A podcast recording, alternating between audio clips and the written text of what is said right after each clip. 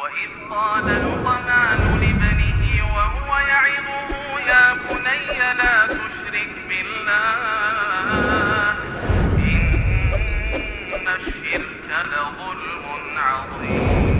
وإذ قال لقمان لابنه وهو يعظه يا بني لا تشرك بالله إن الشرك لظلم عظيم.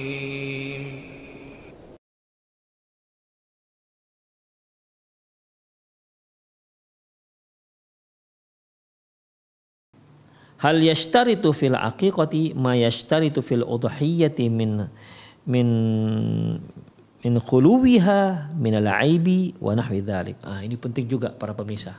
Ya coba pemirsa perhatikan bedanya antara syarat pada kambing untuk akikah dengan eh, hewan-hewan untuk kurban. Pertanyaannya, apakah hewan untuk akikah itu syaratnya sama seperti persyaratan yang Rasulullah tentukan untuk hewan hewan uh, kurban kurban di Idul Adha. Apakah sama? Ya dari sisi uh, masalah aib. Sebagaimana yang kemarin telah kita singgung bahwasanya uh, di antara uh, aib ataupun cacat yang membuat yang menjadikan hewan kurban gak sah di antaranya adalah al arja bayinu arj, arjuha yaitu yang pincang yang jelas pincangnya. Itu di antaranya. Ya, ada empat. Apakah cacat-cacat ini, ya, cacat kalau ada empat cacat ini, di mana empat cacat ini jika ada pada hewan kurban, hewan kurban bukan hewan akikah, hewan kurban maka tidak sah dijadikan sebagai hewan kurban. Apakah jika eh, cacat ini ada pada hewan akikah juga menyebabkan tidak sahnya akikah? Itulah pertanyaannya ini. Perhatikan. Wadhahir annahu la yashtaritu dhalik.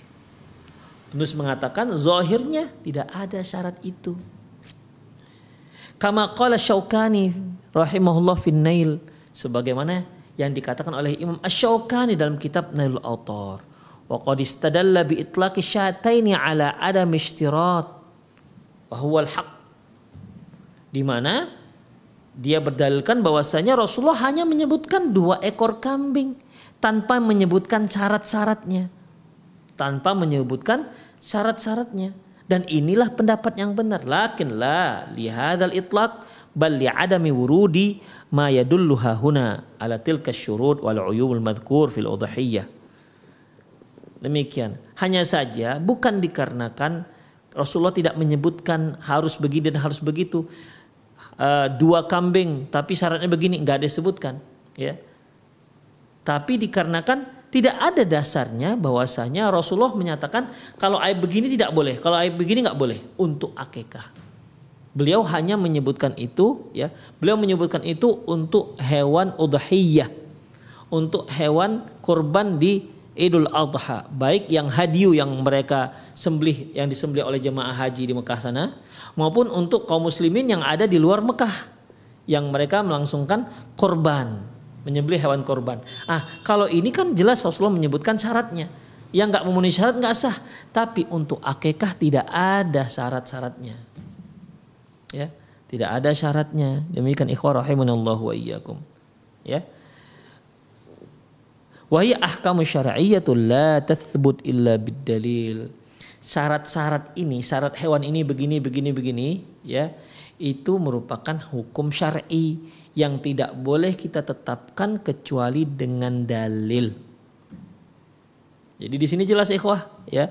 Imam Asy-Syaukani ya termasuk juga penulis menyebutkan bahwasanya ya Kak berarti kan ikhwah di antara aib yang yang nggak boleh dijadikan sebagai hewan kurban yaitu yang akma yang yang matanya buta jelas. Jelas butanya yang pincang kakinya jelas pincangnya. Kemudian yang apa namanya yang sangat kurus itu kan nggak dibolehkan. Ini ternyata hanya disebutkan untuk hewan kurban idul adha. Tapi untuk akikah tidak ada syarat-syarat seperti itu. Dengan artian berarti boleh dong seorang muslim jika lahiran seorang lahiran anak dia sembelih seekor kambing yang pincang misalnya atau seekor kambing yang kurus misalnya. Kalau kita lihat dari fatwa mereka ini ya boleh. Hmm. Qala Ibnu Hazm rahimahullah berkata Ibnu Hazm rahimahullah wa yujzi al ma'ib sawa'un kana mimma yajuzu fil adahi aw kana la yajuzu fiha. Apa kata beliau rahimahullah itu Ibnu Hazm? Uh, aib-aib yang tidak aib-aib yang tidak boleh disembelih untuk hewan uh, apa namanya uh, aib-aib yang disebutkan tidak boleh disembelih untuk hewan kurban itu boleh ya jika aib tersebut ada di hewan akikah. Yujizul aib uh, tidak masalah hewan itu punya aib baik uh, aib tersebut yang boleh untuk dijadikan hewan kurban ataupun aib yang nggak boleh dijadikan hewan kurban. Nah, seperti yang kita katakan tadi, ya berarti kalau untuk akekah yang pincang jelas pincangnya, patah kakinya misalnya, ya patah kaki si kambing. Nah, kalau untuk hewan idul adha nggak boleh karena syaratnya harus sehat kakinya. Pincang itu kan di kaki ikhwah. Ya. Tapi kalau ternyata untuk akekah nggak ada syarat seperti itu, berarti silahkan boleh demikian. Wassalimu afdal. Tapi kalau ya sehat itu lebih bagus, lebih besar pahalanya. Demikian ikhwah. Fakultu la syakka anna salim afdal. Jelas yang namanya sehat, hewan besar, sehat, ya tidak gemuk, kemudian bagus kakinya, ya itu jelas lebih lebih lebih lebih afdal, lebih lebih besar pahalanya. Liqauli ta'ala wala tayammamul khabitha minhu. Janganlah kamu memilih-milih yang buruk ya memilih-milih yang nggak bagus untuk kamu infakkan. Uh, demikian ikhwah. Berarti kalau kita melaksanakan syariat seperti akekah, akekah ini kan merupakan syariat di mana Allah melalui lisan Rasulullah SAW menyuruh kita untuk menyembelih seekor kambing untuk anak perempuan, dua ekor kambing untuk anak laki-laki.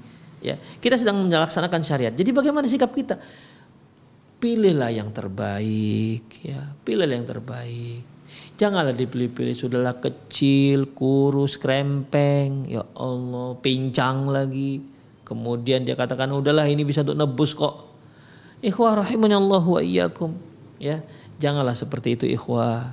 Ya, kita sedang melaksanakan kita sedang melaksanakan syariat dan apa yang Allah perintahkan kepada kita melaksanakan syariat satu syariat itu kan kembali kepada kita keuntungannya. Ya kembali kepada kita keuntungannya. Kalau kita memberi, menyembeli seekor kambing yang gede, gemuk, misalnya banyak dagingnya, kan kembali kepada kita pahalanya. Demikian ikhwah rahimanallahu iyyakum.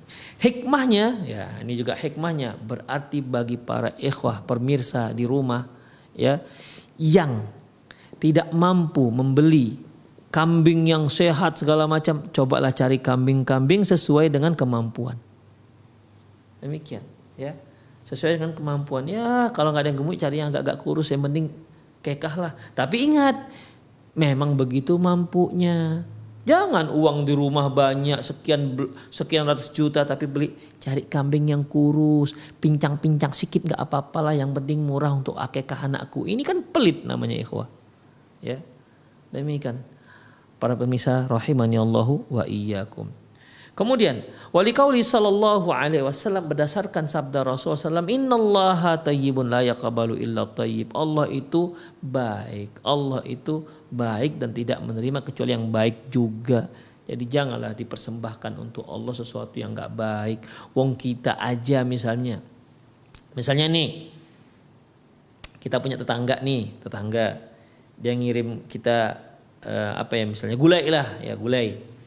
Datang dia, Uh, bu, ini ada gulai, silahkan bu. Ini gulai sudah uh, gulainya lebih, nggak temakan kami bu, nggak temakan kami daripada kami buang. Ya masih bagus loh bu, mendingan kasih dengan ibu. Kan marah kita ikhwah. Ya. Kita aja nggak mau, walaupun padahal gulai itu bagus, masih sangat layak untuk dimakan.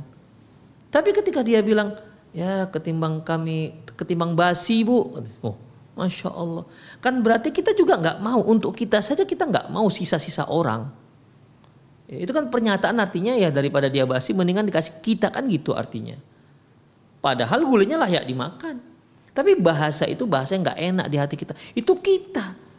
Apakah kita akan begitu juga sikap kita kepada Allah Subhanahu wa taala, pada Allah yang memberi kita rezeki. Allah memudahkan ekonomi kita. Lantas kita bersikap pelit pada Allah Subhanahu wa taala. Nauzubillah min dzalik. Ya. Demikian ikhwah, innallaha tayyibun la yaqbalu illa tayyib.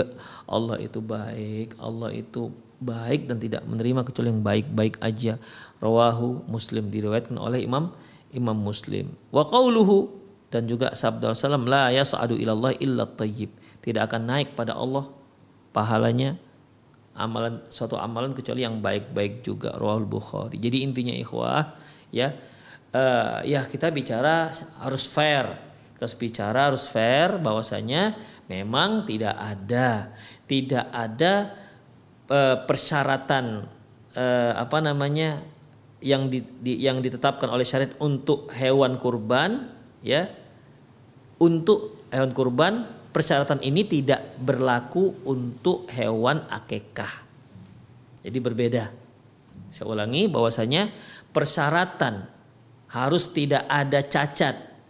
Seperti yang disebutkan Rasulullah SAW dalam hadisnya di mana kalau cacat itu ada maka tak sah hewan kurbannya dijadikan sebagai kurban. Ternyata persyaratan ini ya harus eh, apa namanya harus eh, hewan tersebut harus selamat ataupun tidak ada cacat tersebut. Ternyata syarat ini tidak berlaku untuk hewan akikah. Itu dia.